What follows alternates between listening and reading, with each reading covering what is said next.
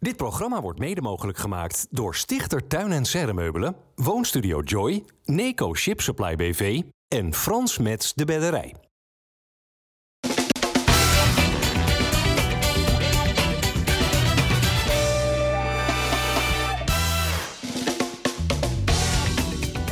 Goedendag dames en heren, hartelijk welkom bij FC Rijnmond op deze maandag. Hier met Jean-Paul van Gastel. Leuk dat je er bent Jean-Paul. Dennis Kralenburg is er en Robert Maaskant. Eh, Jean-Paul, je was aanvoerder van het uh, kampioenelftal van Feyenoord in 1999. Je was assistenttrainer van Feyenoord in het kampioensjaar van 2017. Wat is je rol in het kampioensjaar van 2023? Nul. Helemaal niks. Jammer? Uh, nou, nee, niet per se jammer, maar hopelijk worden ze wel kampioen. Ja, Ja. Ik, ik stel de vraag natuurlijk met een beetje een knipoog. Worden ze dat nou eigenlijk? Nou, is- ze zijn nu op de helft. De, ze hebben de, de aantal punten die ze nodig hebben om bovenaan te staan, hebben ze. Alleen, ja, er zijn toch een aantal clubs die heel dichtbij staan. Ja. En eh nou, gisteren was eh, ultieme, het ult- ultieme moment om eh, weg te, te lopen van Ajax. Nou, het is gelijk spel gebleven, dus die blijven wat dichterbij dan gehoopt. Maar goed, je hebt ook nog steeds Twente en PSV die, eh, en AZ, Ja. die daar ook nog eh, tussen, daartussen staan. We gaan het met jullie alle drie uitgebreid hebben over eh, die klassieker van gisteren. Eerst ook nog even over jou. Ik kom zo bij jou, Robert, want ik zie alweer van... oh jee, die uitzending is al 30 seconden onderweg en ik heb nog niks gezegd. Nee, ik zit na te denken over wat jullie vertellen. Ja, ik vind nou, het ik- tot nog toe heel zinnig. Ja, nou, ik wil even over, want heel veel mensen denken... hoe is het met Jean-Paul van Gastel? Net een eh, trainersavontuur in China afgerond... en nu wachtend op een volgend Chinees avontuur? Nou, niet per se Chinees avontuur, maar wel eh, hopelijk op een, eh, op een buitenlands avontuur eh, nog een keer. Want het is me heel goed bevallen. Het leven, het werken in het buitenland, mensen ontmoeten, persoonlijke ontwikkeling, op coachingsgebied, managementgebied. Het zal wat aardigs opleveren ook, schat ik zo in. Ja, in China ook, ja. Ja. Ehm, maar goed, al, dat allemaal bij elkaar ehm, ja, ligt mijn ambitie weer in het buitenland. Ja, waarom eigenlijk niet in Nederland? Want volgens mij hebben we in Nederland een eh, schromend tekort aan voetbaltrainers. Nou ja, goed, omdat op dit moment ik graag in het buitenland wil werken. Hmm. En, eh, ja, dus vandaar. Dus ik wil even wachten of dat ook daadwerkelijk eh, kan en gaat gebeuren. Oké, nou, Waar baseer jij in hemelsnaam op dat er een schromelijk tekort aan voetbaltrainers is? Nou. ik denk dat er wel 2000 zijn die Ja, zitten te springen op een functie maar in zie jij wat er bij Groningen gebeurt? Zie jij wat er bij NAC Breda gebeurt? Ja, dat, dat zijn keuzes bij clubs. Maar er zijn zat trainers hoor. Ja, En ook kwalitatief goede trainers. Dus Ja. nee, dat zie ik niet. nee. Ben je zelf ook nog voetbaltrainer? ik, je bent altijd wel een beetje voetbaltrainer in hart en nieren. Ik heb volgens mij mijn licentie nog inderdaad. Ja, oké. Ja. Eh, nu echt die, die, die klassieker. Eh, was het nou, Jean-Paul, een punt dat voelde als een nederlaag of was het een terecht gelijkspel? Nou ja, ik denk dat, eh, dat met name Feyenoord, maar misschien Ajax ook wel, het voelt als een teleurstelling. Eh, maar ik denk als je de wedstrijd eh, gezien hebt, dat denk ik een, een, eh, een gelijkspel wel reëel is. Ja. Ja. Het was voor het eerst in vier jaar, Dennis, dat de klassieker werd gespeeld met publiek. Ja. Kolkte de Kuip. Ja, wat je merkt is dat voorafgaand aan de wedstrijd het al ontzettend druk is op het voorplein. Eh, ook aan de kant van het Maasgebouw waren al ontzettend veel mensen die daar allemaal al staan te wachten tot de bus bijvoorbeeld aankwam van, eh, van Feyenoord, de bus van Ajax daar aankomt. Ja, dan gaat uiteindelijk de deur van het stadion open. Dan zit het eigenlijk binnen no time helemaal vol. Ja, de sfeer was geweldig. Een En, half uur voor de wedstrijd was het inderdaad Helemaal al helemaal vol. ja, hè? heel veel vlaggen ook waren er neergezet. Dus ja, de sfeer was echt wel, eh, echt wel ja, heel bijzonder, vond ik. Maar wat je wel merkt is dat, dat heeft ook met de spanning van zo'n duel te maken, is dat ja, op een gegeven moment zitten mensen naar het voetballen te kijken. En dat gezang wat aan het begin gebeurt, ja, dat wordt dan wat minder. Eh, dan neemt de spanning het over. Maar ik moet zeggen, de sfeer was echt geweldig. Ja. Was het nou, eh, Robert, een, een tactisch gevecht gisteren in de Kuip? Of was het een fysiek gevecht? Nou, ik denk beide. Ik, ik denk dat we een, wel wat dat betreft een complete topper hebben gezien. Waarbij beide ploegen tactisch kozen om, eh, om de ander niet in zijn spel te laten komen. Eh, ja, en dan, dat is uiteindelijk ontmondt dat dan in fysiek gevecht. Want dan kom je in heel veel duels terecht, dan moet je heel agressief gaan spelen. Ja, en dat, dat daar inherent is dan dat er af en toe eens een keer een opstootje is, dat er harde tackles zijn. Eh, ja, dat, dat hoort dan bij die wedstrijd.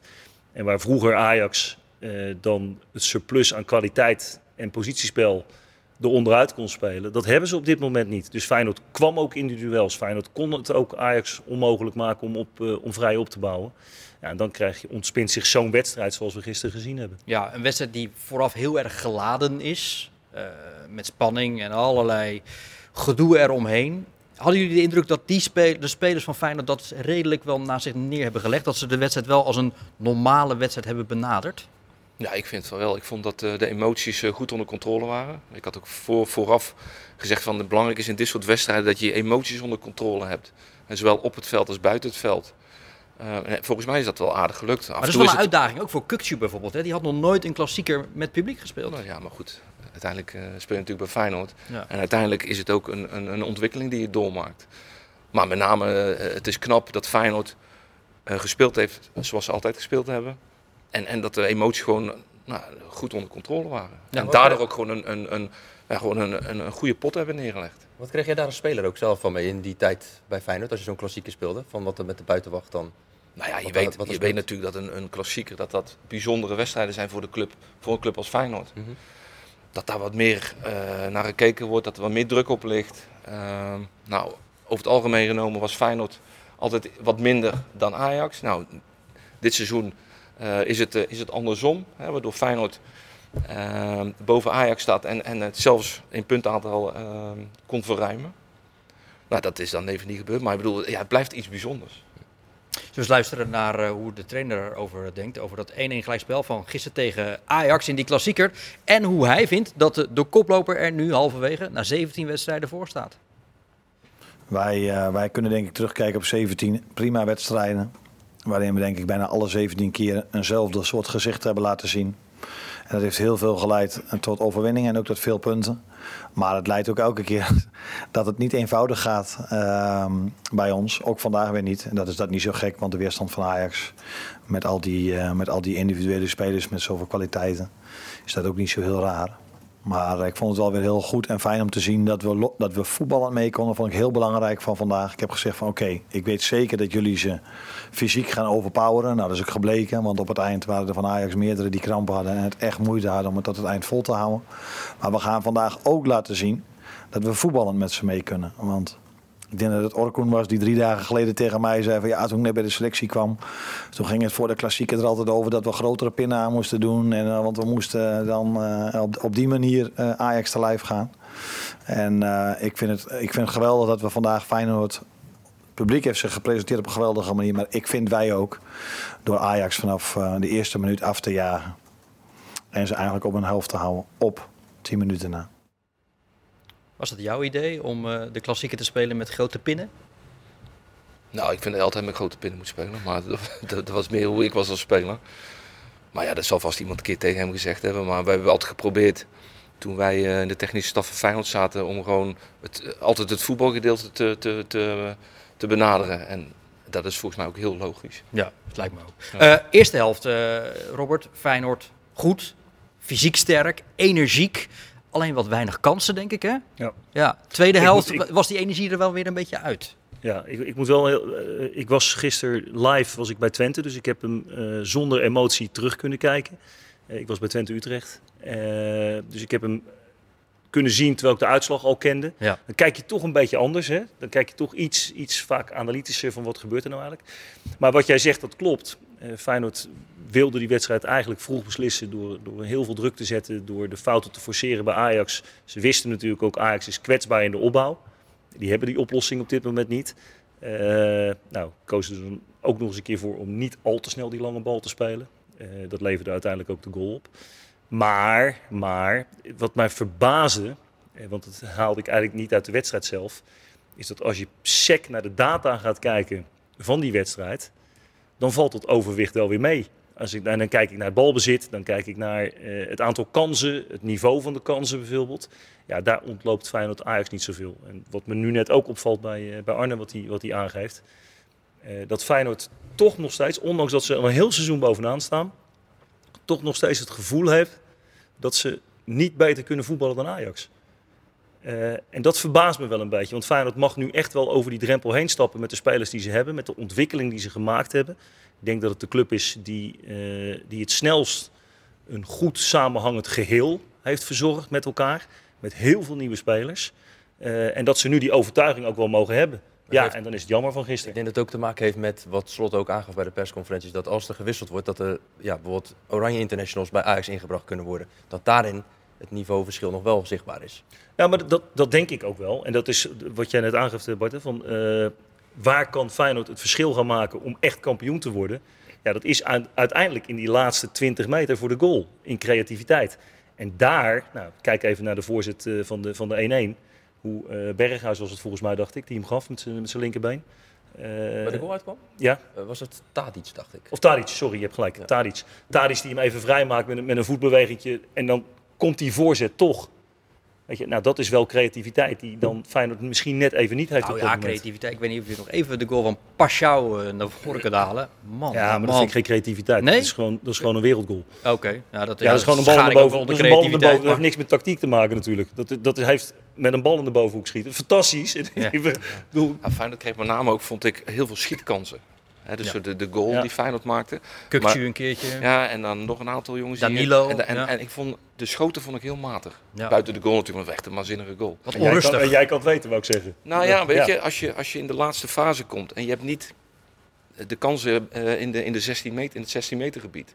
Ja, dan is de goals die er eigenlijk makkelijk te maken zijn, zijn de standaard situaties en de afstandsschoten. En Ja. ik vond, natuurlijk, nogmaals, die goal echt waanzinnig, maar er waren nog meer eh, schietkansen die, die eigenlijk, ja, vond ik gewoon matig waren. Ik denk dat de ontwikkeling van Feyenoord, als je kijkt naar, eh, en dan kijk ik een beetje naar het hele goede Barcelona op een gegeven moment. hè, Die speelden altijd tegen ploegen die gewoon met 11 man in hun eigen 16 stonden.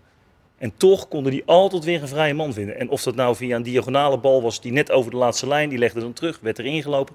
Zover is Feyenoord nog niet. En dat kan bijna ook niet. En Ajax op dit moment zeker niet. Nee, nee. Want die missen gewoon alle vorm van, eh, ja, dat is er gewoon niet. Ik, ik wilde net bewust even ook die goal van Pashao benoemen. Eh, is het dan toch de nieuwe Sinistera? Nou ja, als je ziet hoe hij in de laatste weken zich, eigenlijk sinds de voorbereiding denk ik op het tweede seizoen zelf, dat Arne Slot al zei van, ja, maakt echt een goede indruk op me. Eh, de communicatie verloopt nu ook beter, dat heeft hij gisteren ook gezegd. Hè. In het begin was het echt ja, met handen en voeten aanwijzingen meegeven. En eh, ja, hij, hij begrijpt inmiddels meer wat er ook verwacht wordt als je al een, eh, een tijdje nu bij deze selectie zit. Hij begint wel steeds meer zijn draai te vinden. En wat ook meespeelt, denk ik, aan die linkerkant. Want toen Malasia en Sinistera vertrokken, was het best wel de vraag van, ja, wat gaat er met die linkerkant gebeuren? Nou, Nu is er Hartman. Hartman en. Ja. Ik denk dat dat eh, nou, voor nu prima Jean-Paul, hoe sterk is Hartman? Nou, ik, vond hem, ik vond hem heel goed spelen. Eh, met name de agressiviteit, het vooruitverdedigen, maar dat vind ik sowieso bij Feyenoord eh, goed verzorgd. Ja. Het, het vooruitverdedigen, het elkaar het durven loslaten van, eh, van je eigen tegenstander, waardoor je eigenlijk ja, gewoon druk op de bal kunt geven. Maar met name ook eh, inderdaad hoe hij die bal onderschept. Ten eerste is het heel alert dat hij leest wat er ziet wat er gebeurt. Ja, en vervolgens daarop anticipeert. Ja, en, en, en, de tweede helft gaat Tadic aan de andere kant. Ja, die geeft hij gelijk een zwiepert. Ja. Zonder dat dat nou gelijk een gele kaart is. Ja, dat zijn die kleine dingetjes dat je denkt van ja, zo zit, hier, jong. zit, hier zit wat toekomst in. Ja. Zeker. Ja. Zeker, Maar het is wel mooi, En eigen jochie? Eigen jochie. Ja, eigen Ja, jochie. ja, maar dat is leuk. Want ik, eh, eh, dan zie je ook maar weer dat, dat vanuit de paniek die er op een gegeven moment ontstond nadat er twee sterkhouders geblesseerd raakten, dat je eh, zonder aankopen te doen in dit geval, andere jongens gewoon opstaan. En ook in dit soort wedstrijden die je verrassen. Want Hartman verrast. Geertruida vond ik fantastisch gisteren. Die vond ik echt geweldig spelen. Was Die, die heeft die positie centraal achterin gelijk aangenomen. Ja, nou, dat En- vond ik de beste man van het veld. Ja, knap is dat. Ja, hij heeft in de opleiding eh, heeft hij altijd centrale verdediger gespeeld. Ja. Nou, later, toen hij bij het eerste zelf kwam, eh, eh, was hij nog niet zo ver. Dus in een rechtsbackpositie eh eh, terechtgekomen. Maar ja, hoe hij het gisteren ingevuld heeft, ja, is ook waanzinnig. Echt heel goed doordekken.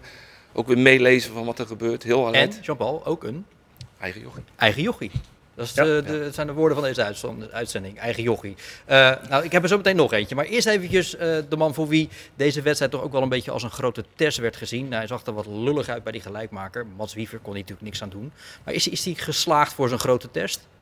Ja, vind ik wel, ja. Ja, vind ik wel.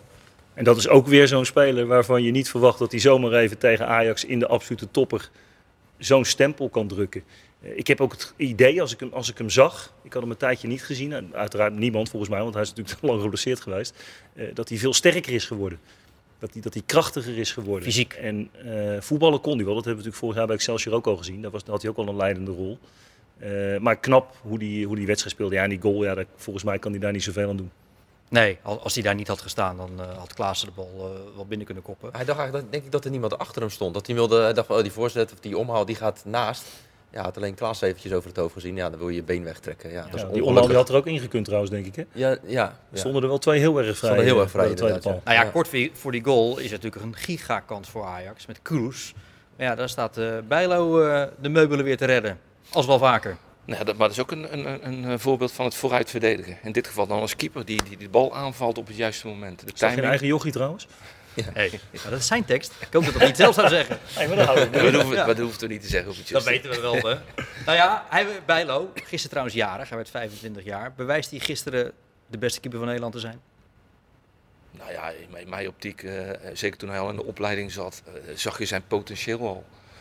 En, eh, en eh, heel de jeugdopleiding is toen met hem aan de gang gegaan. Nou, en, het, en dat resulteert in zijn eigen ontwikkeling die hij zelf heeft doorgemaakt. Dat, ja, hij is in ieder geval één van de beste keepers. En dat is aan de bondscoach dadelijk eh, om, om te beoordelen of hij de beste is. Maar hij, Wat denk jij, wat zal Koeman doen? nou, ik heb geen idee. Ik heb geen idee. Kijk, Noppert heeft natuurlijk ook een, een, een fantastische WK gekiept. Ja, vond het echt fantastisch. Nou ja, nou ja, als je bij Herenveen en je komt in één keer bij Oranje op goal. Ja, Nee, dat- eh, eh, Ja, dat is gewoon super knap. Ja. Kijk, maar de- met Justin is de toekomst. Ja, Als hij de ontwikkeling blijft doormaken die hij, eh, die hij gemaakt heeft en hij blijft fit, ja, dan is dit in mijn optiek is dit de keeper van, eh, van het Nederlands elftal. Maar gewoon op alle gebieden toch. Hij, heeft toch ook gewoon, hij is toch ook meer talent. Hij is B-voetballend ook sterker. Eh, hij laat ook zien in de grote wedstrijden. Bij, kijk, bij Heerenveen kan je wedstrijden spelen. Heer, Feyenoord, Heerenveen. Noppert heeft ook 40 ballen gehad. Die doet ze alle 40 tegen. Hij krijgt gisteren drie ballen. Ja, daar gaat er eentje in. Maar dat is ook het verschil. Dat is echt het verschil, ja, ja. Maar goed, deze jongen heeft zo'n zo'n goed karakter, zo'n wil om, om te slagen, dat ik daar ook heilig in geloof. Ja, absoluut. Een punt gisteren voor Feyenoord tegen Ajax. Justin Bijlo zelf ook eventjes over de wat mindere tweede helft van Feyenoord gisteren. Ja, we hadden de eerste helft natuurlijk heel veel energie erin gelegd. Eh, ik denk net, net na dus hebben we nog een aantal mogelijkheden. Al is het maar afstandsschoten en niet echt uitgespeelde kansen. Maar ja, na de, na rond de, na de 60 minuten eh, kon Ajax wat beter de vrije man eh, vinden. Waardoor ze er makkelijker onderuit konden voetballen. Waardoor wij acht, eh, af achteruit moesten. En ik denk vanaf minuut 6 dat uh, West inderdaad wat kantelde. In ieder geval goed dat we zo, zo aan de wedstrijd kunnen beginnen en toch een aantal mogelijkheden kunnen creëren tegen Ajax. Ik weet dat ze niet in de beste vorm zijn, maar eh, desondanks hebben ze gewoon veel kwaliteit. En ja, wat ik eh, begon al wel dat je met een ander gevoel willen staan, maar eh, dat we kunnen meten, dat eh, is wel goed. En toch had Feyenoord ook kunnen winnen.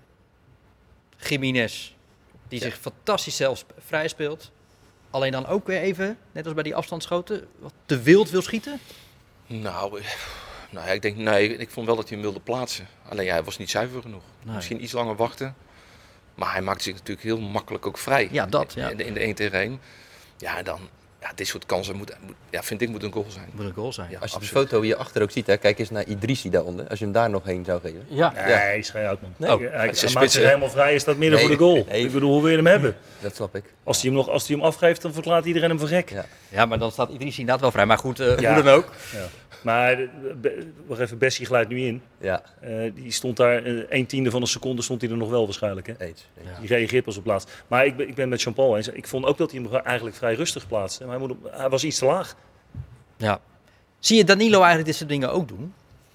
Zichzelf vrij spelen, Ja, daar heeft hij op een gegeven moment de energie niet meer voor, denk ik. Want omdat hij zo hard en veel werkt. ja, dat is echt niet normaal. Ja, ja. Wat hij aan, aan werk verricht, waardoor de rest van het elftal in zijn rug dan mee druk kan geven. Dat ontlast het elftal zo enorm. Maar ja, uiteindelijk, het einde van de dag is de spits.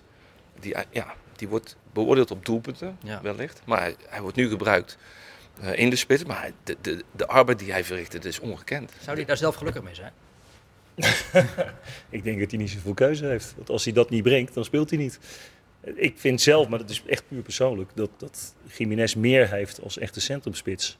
Eh, maar die kan blijkbaar niet die energie leveren die van hem gevraagd wordt Nou in ja, het wat, wat. Danilo brengt dus, dat zal hij misschien wel Nee, minder ja, brengen. goed, dus als Danilo daar niet gelukkig mee is en hij zou het niet doen, dan zou hij ook niet Zou spelen. spelen. Dus Nou, ja, dan is de keuze snel gemaakt voor een profvoetballer, lijkt me. Dat zie je ook in de opbouw. Hè. De eerste helft Ajax met opbouwen ging het veel moeilijker eh, achterin. Omdat hij zoveel werk daarin ook verzet. Maakt het Ajax zo lastig. In de tweede helft ja, zijn batterij op een gegeven moment ook een beetje leeg. Ja, ja, zeker. De batterij van Trauner was trouwens, eh, ja, die is natuurlijk al een paar maanden leeg. Maar hij werd door het legioen gisteren niet gemist. Ja, ik wil toch even benoemen. Hebben we trouw... ja, ja, zit... nou, hier zit hij op de tribune, maar hij was ook te gast bij eh, de legioenzaal Outdoor. hè, buiten het stadion eh, en DJ's. En daar kwam Trauner gewoon eventjes eh, mee doen. Dat vind ik echt zo tof dat zo'n jongen dat doet. Dus dan, nou goed, bij deze even benoemd. Jullie hadden over het harde werken van Danilo. Jahan Baks, hoe hard werkt die wel niet? Genieten jullie niet van de strijd die hij kan leveren? Ja, ik, ik, ik ben wel gecharmeerd van Jan Baks. Ik, ik, ik vind het nog steeds een echt uitstekende speler. En eh, die groeit nog steeds in zijn rol. Eh, en dat komt misschien ook wel omdat hij gewoon een slecht begin heeft gehad. Maar eh, hij heeft kracht, hij heeft snelheid, hij kan een goal maken. Hij, nou ja, goed, we zien hier een plaatje achter. hem. Hij heeft Ja, ook maar de moet je felheid. dus niet doen, denk ik dan. Nee, die, fel- die, die felheid, maar die, dat zit ook wel in. Je speelt niet bij Feyenoord 1 op het moment dat je dit helemaal niet hebt. Want op het moment dat je tegen Ajax speelt en je hebt niet die felheid en niet dat, dat, dat, dat, dat ja, de- hoe noemen ze dat ook weer in Italië? Grinta volgens mij. Ja. Eh, dat moet je ook wel hebben om zo'n wedstrijd te kunnen spelen. Jawel, maar dat levert je wel geel op. En dan, daarna Ja, zou het je dus moet- ook wel eens rood kunnen zijn. Nee, natuurlijk moet je Als je je nog wat flikt. Nou ja, dit soort opstootjes, die, die, eh, ik vond deze dan overdreven. Maar meestal zoek je dit soort gevechtjes eigenlijk als, het, als de, de wedstrijd een beetje op slot zit. maar- Ja, als het even Dan zoek je een beetje een, een, een, iets om, om het weer te laten ontploffen. Of dat het overslaat op de tribune, dat het weer, weer tot leven komt. Maar ik vond dit een beetje onnodig. Te vroeg ook. Maar als je dan ook naar, naar, naar- deze jongen kijkt, de arbeid die, die, die gewoon de, de, de drie aanvallers moeten leveren. Ja, ik vind het heel knap. Wat zij, eh, wat zij eh, Maar dat leveren. is toch Jean-Paul wat Slot wil? Slot wil Nou nee, met dit soort voetballers het veld op? Nee, maar dat is ook knap. Ja. Maar ze leveren wel heel veel arbeid. En, en dat is ook heel goed, hè? En dat is, is, is, is de basis. Ja, dat vind ik heel knap dat hij dat voor elkaar heeft gekregen. Eh, Robert, eh, er verloor uiteindelijk niemand gisteren. Feyenoord niet en Ajax niet. Maar misschien 2,1 miljoen mensen wel. De tv-kijker. Ja, ja. Ik, ik vond Jan-Joos van Gangelen daar een, eh, een terecht commentaar op geven. Hij zegt, ja, dit, dit, het is het beste van wat er van te maken werd. En uiteindelijk zijn er volgens mij maar een paar mensen in dat stadion die, eh, die dit veroorzaakt hebben. Want dat zijn de mensen die nog steeds spullen op het veld gooien. En daar worden heel veel andere mensen voor gestraft. Dus het zelfreinigend vermogen van het legioen om mensen aan te spreken daarop, hoe lastig dat ook is, zou dit soort maatregelen eh, kunnen voorkomen. Ja. En daar hoopt Feyenoord natuurlijk al heel lang op. En daar hoopt het hele betaalde voetbal op. Dat je dit soort excessen en dat je gewoon met je kinderen en met je, met je ouders naar voetbalwedstrijden kan gaan.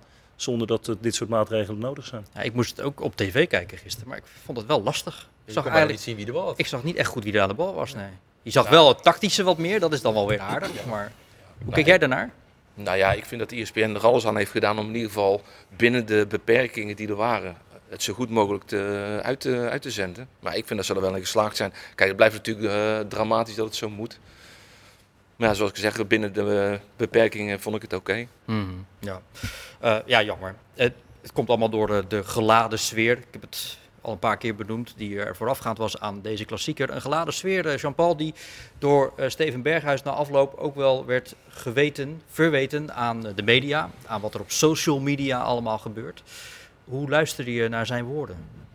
Nou, wat ik heel erg kenbaar vond en vind, is dat de impact wat, nou ja, wat er naar buiten wordt gebracht door den en gene, ja, dat er gewoon impact heeft op je, op je privéleven. Dus, dus wat hij ook zegt van, je mag me uitfluiten, je mag liedjes over me zingen. Daar was Maar- hij oké mee. Ja, ja maar dat, dat is inmiddels normaal geworden. Ja. Dat is al inmiddels normaal geworden. Dat iedereen je mag kunnen, kan, kan ja, lelijk over je kan doen binnen het stadion. Dat is geaccepteerd binnen, binnen de spelers. Maar als dan dat verder getrokken wordt in, in, in wat je familie aangaat, die er eigenlijk niet direct bij betrokken zijn, ja, dat, heeft impact op je privéleven. En, en, dat, en, dat gaat, en dat gaat te ver. Maar de vraag is, eh, misschien een aardige voor jou, want je bent ook met voetbal en media bezig. In hoeverre de media daarin iets te verwijten valt, Robert? Dat de familie van Nou, Berghuis ik- ik wordt bedreigd. ik- wat ik- verschrikkelijk Ik is. vond je stelling niet helemaal terecht, want hij, hij eh, vond dat de media beter moesten nadenken Ja. over de dingen die ze brachten. Ja. En daar ben ik het met hem eens. En ik vind ook, nou, AD heeft inmiddels daarop gereageerd. Hè. Die hadden een grote foto van hem op de voorpagina. Nou, dat kan je ook niet doen. Je kan daar ook voor iets anders kiezen. En ik vond de, de, de, de tekst en uitleg die er was verder en de nuance die in de stukken geschreven werd, was verder prima. Als je dat gewoon normaal terugleest, dan denk je, nou, dat, dat is duidelijk. Hè? Dit willen we wel, dat willen we niet. Eh, maar de impact op hem ja, is dan wel heel groot. En dan denk ik dat we de helft nog niet eens weten van wat er allemaal binnenkomt. Ja, en waar ik, maar goed, dat kan blijkbaar niet in de wereld. Eh, ik vind dat je eh, sociale media nooit anoniem mag doen. Want nu kan iedereen zich verschuilen in sociale media onder Ja. een anonieme status, waardoor je nooit, ja, weet je, ik kan Nou daar, ja, ik kan daar kijk, daar gaan wij inderdaad niet aan doen. Maar je kunt natuurlijk wel de vraag stellen: moet je op basis van wat er op social media gebeurt, of wat er op allerlei fora's gebeurt, eh, daardoor aan berichtgeving gaan doen? Daardoor gaan zeggen: oh, het, het wordt heel heftig voor Nee, maar Ja, dat hij weet je had helemaal het niet. over de mainstream media. Hè. Hij had het niet zo. Ja, hij, maar- ja, noemde, maar die- hij benoemde het wel, Ja, maar die- social media, maar hij had het voornamelijk over de mainstream media. Weet ik. En die mainstream media die berichten veelal Ja. op wat er op social media gebeurt. En misschien moeten we dat wat minder doen. Als ik even eh, een particulier voorbeeld mag geven. Vorige week dinsdag kwamen de eerste voorbeelden of eh, berichten, ook op social media en waar dan ook online, dat er misschien wel door Feyenoord supporters dartpijlen zou worden meegenomen. Ja. Om dan door die netten te, te gooien. Wij hebben er hier vrijdag in de uitzending, toen we gingen vooruitblikken op de klassieke, heel bewust voor gekozen om dat niet te benoemen. Want het is ja, op social media en wat online fora. En ja, de grote massa weet dat niet. En ik als presentator wil eigenlijk eh, de mensen daar Niet op een eh, idee brengen. niet op een idee, idee brengen. Ja. En ik was daardoor ook heel verrast dat s'avonds, vrijdagavond bij VI en bij de NOS het wel werd benoemd. Dat er eh, mo- mogelijk dartpijlen zouden worden meegenomen, die er natuurlijk niet waren. Dus als Berghuis dat bedoelt, van denk een beetje meer na, dan vind ik dat hij erg gelijk heeft. Ja, maar ik vind sowieso dat hij gelijk heeft. Ja. Dus ik, eh, en ik vind het ook knap. Er werd zelfs gesuggereerd, ja, dan moet je niet spelen. Ja, wat is dat nou voor onzin Ja, zeg? ja. Dus hij is profvoetballer. En eh, Wim Jansen bij beide clubs gespeeld. Johan Cruijff bij beide. Nou, volgens mij zijn er niet heel veel grotere spelers dan dat... die voor zowel Feyenoord als Ajax hebben gespeeld. Nou, dan kan Berghuis, wat niet een zelfopgeleide Rotterdamse jongen is... dat is niet een jochie van de club... Ja, die mag zijn keuze maken op basis van wat hij vindt dat het beste voor hem is. Maar En dan kan hij ook snappen dat als hij die keuze maakt, dat dat natuurlijk wel tot veel sentiment leidt in Rotterdam. Dat Nee, absoluut. Binnen, Dat maar dan wel ook, binnen de perken. Ja. Ja. ja. Ja. Oké, nou, zullen we er maar over ophouden? Krulde door, behalve dan nog even dat we eh, nog eens de dag gaan herbeleven door eh, de ogen van het legioen.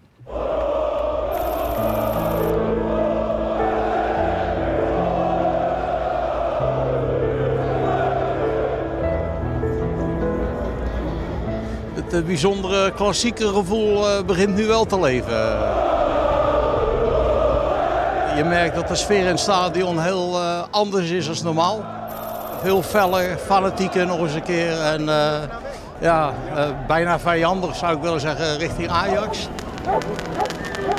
En je hoort die gasten altijd zeggen dat ze er juist goed op gaan als het hier een beetje vijandig is. Dus ik denk dat het moeilijk gaat worden. Maar ik ga toch van een goed resultaat uit. Ik vind het belangrijk om de energie te stoppen in het aanmoedigen van Feyenoord.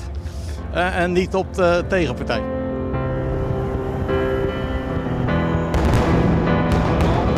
En dus gaan we beginnen. Ietsjes later dan half drie. Omdat de rook van de sfeeractie bij de opkomst van deze wedstrijd het stadion moest verlaten. Maar we zijn los. We zijn begonnen. Feyenoord Ajax. Paixão met het schot. Twee man achterin. Kluip Bergwijn met een omhaal. En die wordt dan teruggekopt eigen goal. Een enorme domper dit, af- is de 1-1. Er zat meer in. Ja. Dus eh, dit hadden we moeten, moeten pakken, deze. Het is eh, KUT. Maar een voordeel dat we hier gelijk spelen is wel dat Scheuder waarschijnlijk blijft zitten. En dat is uiteindelijk bepalend voor de competitie. Dat is uiteindelijk bepalend voor de competitie. Dus ik denk Ja, dat ja, het tactiek is. Ik denk dat het tactiek Ja, ja. is dat Slot we hier... heeft het één- bedacht, hè? Slot heeft het bedacht. Ja, ja, ja, ja, zo, eh, zo kun je er ook naar kijken. Maar goed, daar bemoeien wij ons hier in Rotterdam maar eh, niet mee. We sluiten die 193ste klassieker uit de historie sluiten we af, eh, Jean-Paul. ook een Feyenoord verleden trouwens. hè. Zo, ja.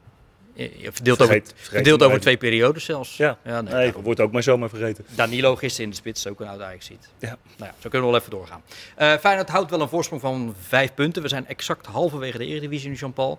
Hoe, hoe zie jij die titelstrijd nu voor je? Gaat die inderdaad tussen die vier, vijf ploegen plaatsvinden? Of gaat er misschien toch nog één ploeg weglopen straks? Nou ja, dat laat zich moeilijk voorspellen. Ehm, maar wat ik wel interessant vind eh, van Arne, wat hij zegt, is ehm, dat, ze heel veel, dat het hun heel veel energie kost om wedstrijden te winnen. Dus eh, wat de uitdaging denk ik gaat worden is, als dadelijk het programma met de Europa, Europa League erbij komt, ja, dan, ja, dan, dan wordt het weer serieus eh, eh, ja, intensief. Ja. En, en natuurlijk zijn de clubs het gewend. En natuurlijk zullen daar een aantal spelers aan moeten wennen. Met name de jonge jongens die dat niet gewend zijn. Ja, dan is het interessant hoe dat zich eh, gaat, gaat voortzetten. Ik was gisteren bij Twente, zoals ik net al eh, zei. En daar werd het letterlijk genoemd. Binnen de technische staf van Twente. Ja, straks moeten al die clubs Europa in. En wij daar, niet. Daar kunnen wij nog wel eens van gaan profiteren met de frisheid die we hebben. En daarnaast, Twente die ik heb zien spelen in thuiswedstrijden, heel erg goed. Maar gaan die dat volhouden ook tot het einde van de rit? Ik zou niet weten waarom niet. Twente? Ja, denk je? Ik, zou, nou, ik, ik heb echt, zoals ik ze gisteren heb zien spelen, eh, zou ik niet weten waarom Twente dat niet volgt. Want die hebben ook nog eens een keer een hele brede selectie. Die hebben ook nog eens een keertje hun blessuregevallen al gehad. Dat, dat vind ik ook wel een, een interessant om naar te kijken. Feyenoord heeft in principe tot nog toe een heel positief seizoen gehad. Mhm. Die hebben dan wel even de twee blessuregevallen gehad. Ajax heeft een dramatisch seizoen gehad. PSV laat hun twee beste aanvallers weggaan. Maar staan toch nog steeds binnen een hele acceptabele afstand van Feyenoord. Ja, dat zijn allemaal dingen die mee gaan spelen. Dus ik ben het volledig met Jean-Paul eens. Deze competitie met die top 5 die er nu is, die is zo verschrikkelijk moeilijk te voorspellen. Want AZ heeft ook een half seizoen niet met een sterkste opstelling kunnen spelen. Nee, dat klopt. Die hebben gewoon vier, vijf spelers geblesseerd gehad.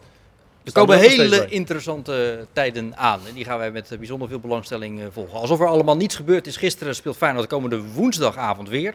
Om 9 uur in de Kuip tegen NEC. Waarbij ik me wel even afvroeg hoe dat veld het gaat houden. Want dat veld is niet geweldig. Bleek ook gisteren wel in eh, de klassieker. Door Pek Zwolle eigenlijk, hè? die bekerwedstrijd toen het Ja. zo regende. Toen Ja. is het veld wel echt aardig omgeploegd. Ja. Ja, en Enschede zeker. is een nieuw veld gelegd zelfs. Ja. Ook naar de bekerwedstrijd. Ja. Sparta op bezoek bij Cambuur. Moeten we die er al bij rekenen? Bij de, Dat de, de titel, ja, laat ons gek doen, man. Is toch Nou leuk? ja, zesde. Ja, Nou ja, oké, maar het is dan- waanzinnig knap. Het is waanzinnig knap. Hoe overtuigend was het eh, in Friesland? Eh, appeltje eitje. Geen seconde, nou maakt Cambuur in 100 jaar ook geen doelpunt. Dat is ook wel lekker als je daar tegen kan voetballen.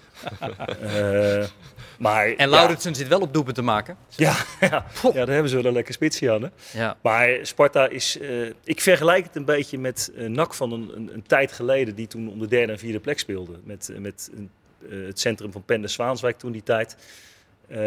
Zo makkelijk, zo rustig, zo overtuigd iedere keer. Wie was toen de trainer? En eh, er waren verschillende trainers. Dat was eh, Ernie Brands in de eerste periode. Daarna heb ik het nog een periode Ah, gedaan. oh, dat- ja. En, eh, nee, maar ja, dat, dat, was, dat, dat, was, dat ging niet om de trainer. Dat ging echt om dat elftal wat gewoon stond. Dat waren gewoon volwassen profs. En, die, die liet, en dat, dat, dat zie je nu bij, bij Sparta. Maurice Stijn doet het fantastisch trouwens. Hè. Er is een mooi geheel van gesmeed. Het is geen verrassing meer. En, en de blijheid en de vreugde die er van afspat in die wedstrijden. Ja, ik, vind, eh, ik vind het leuk om naar te kijken. Ja, het is ook leuk om te kijken naar Mijnans. Hij eh, hè, is echt bepalend met assists. Alle goals betrokken? Alle doelpunten, die, die assisten bij die 2-0 van Saito. Dat, die- dat lopje eerst, dat is echt... eh, Dat is eigenlijk nog het moeilijkste, denk ik. Want het was die keeper van Cambuur, nou, dat is geen hoogvlieger. Ehm, hij, ja, maar even, even, wat deed hij nou bij Lauritsen nog? Dan komt hij uit als een idioot. Eh Lauritsen moet er ook af en dan krijgt hij een schil. Ja, nee, het was ja, heel ongelukkig. Die bal komt de diepte in. Nou kan ik me voorstellen dat hij gaat voor de bal, dat het op een moment komt dat ze allebei vlak bij de bal komen. Maar ja, het, het ziet er bij hem allemaal wat ongelukkig uit. En om nog op die goal eh, terug te komen van Saito. Ja, wat Mijnans daar ook doet, de controle die hij daar heeft met het balletje aannemen, over een tegenstander heen wippen en dan nog zo'n paas weten te geven. Ja, ik vind het echt, eh, echt wel heel niet, knap zo wat hij lang doet. geleden, nog niet zo lang geleden zat hij op de bank trouwens. Hè? En wat Ja. ik toen fantastisch vond, is dat hij gewoon zei... Hij had toen een wedstrijdje gespeeld, had hij aardig gedaan. Hij zegt, ja, maar ik ga er niet meer uit. Nee, precies. Hij Nee. ging even voor zijn beurt. Hij zei, Ja, nu, is, en- en nu, is, klopt. nu is het wel klaar. Nu ben ik, nu Hey, ben ik Jean-Paul, nu staat Sparta halverwege de competitie zesde. Beste seizoenstart in 40 jaar. Heeft dit ook iets te maken met die geweldige escape aan het einde van vorig jaar? Toen ze ja, degradatie maar net zijn ontlopen. En dat Nou je dan ja. dus nu zo in die flow door kan. Nou ja, kijk, Maurice, Maurice heeft het toen overgenomen. Hè, want hij- hij wist al dat hij trainer zou worden van Sparta. Ja, moest het overnemen. Sparta stond er heel slecht voor. Ja. Ja, en, en ze redden het. Dus ik denk dat, dat er zoveel geloof is gekomen in de, in de trainer-coach Maurice Stijn. Bij de spelers. Bij de spelers. Ja. En dat dat dan in de voorbereiding dan weer, eh, weer samen is gekomen en, en misschien op dezelfde eh, pijlers door is gegaan.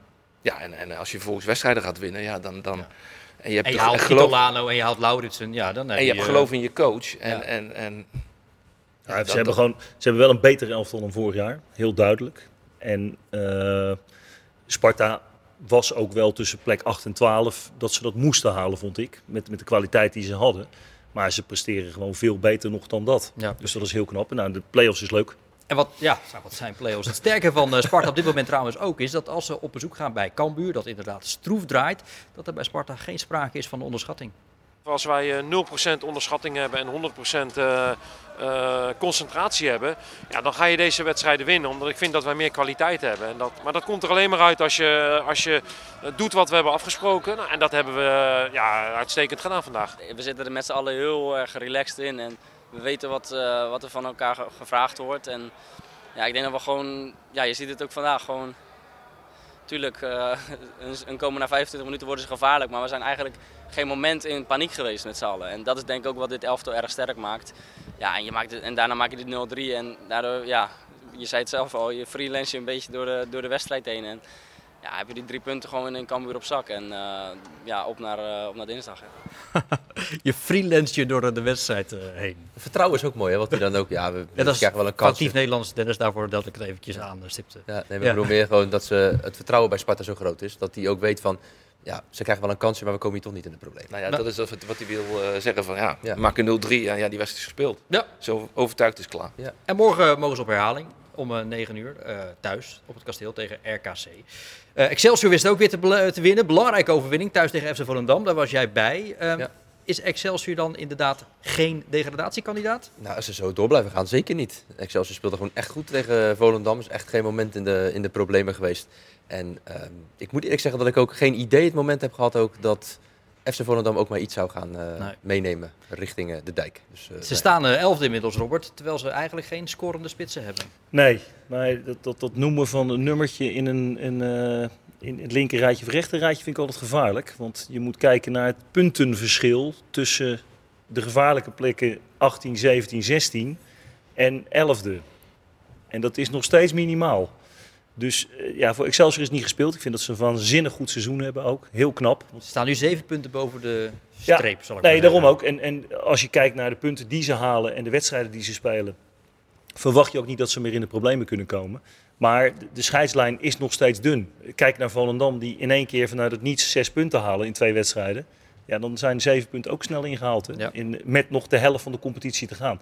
Dus Excelsior kan nog niet eh, achterover in de leunstoel. Die zullen echt nog heel scherp moeten blijven. En eh, dat is niet zoals bij Sparta bijvoorbeeld, die nu wel wat relaxer door het seizoen kunnen freewheelen. Ja, anderen zijn wel minder. Freewheelen. toch, Dan Oh, Excelsior. dat was hem. Ja, wel minder toch? Andere ploegen. Minder dan Excelsior. Een Nou Cambuur, ja, een Volendam. Kam- Cambuur is minder, Volendam is minder, absoluut. Maar goed, die winnen ook af en toe wel potjes natuurlijk. Tenminste, Volendam. Excelsior ook. Excelsior zeker. Ja. We gaan het langzaam afronden, jongens. Jean-Paul, ik vond het leuk dat je er was. Eh, zolang je niet teruggaat naar Azië of naar wat voor exotisch gebied dan ook om eh, trainer te worden, kom nog eens terug. Nou, hartstikke om eh, graag. vooral natuurlijk over Feyenoord te praten. Bedankt. Dankjewel. Dennis Kalenburg, Robert Maaskant, tot zover deze uitzending. Excelsior speelt ook nog eens een midweeks. Dat gebeurt allemaal woensdag op bezoek bij FC Utrecht. De dag dus dat Feyenoord gaat spelen ook tegen NEC. Wedstrijden waar wij woensdag verslag van zullen doen. Even als morgenavond als Sparta in actie komt tegen RKC. Gaan we allemaal eh, volgen, zowel op de radio als online. Om er dan komende vrijdag in dit programma weer over na te praten. Met weer een verse tafel. Wie daar dan allemaal weer aan tafel zullen zitten, geen idee nog. Zien we vrijdag wel. Bedankt en eh, een goede week.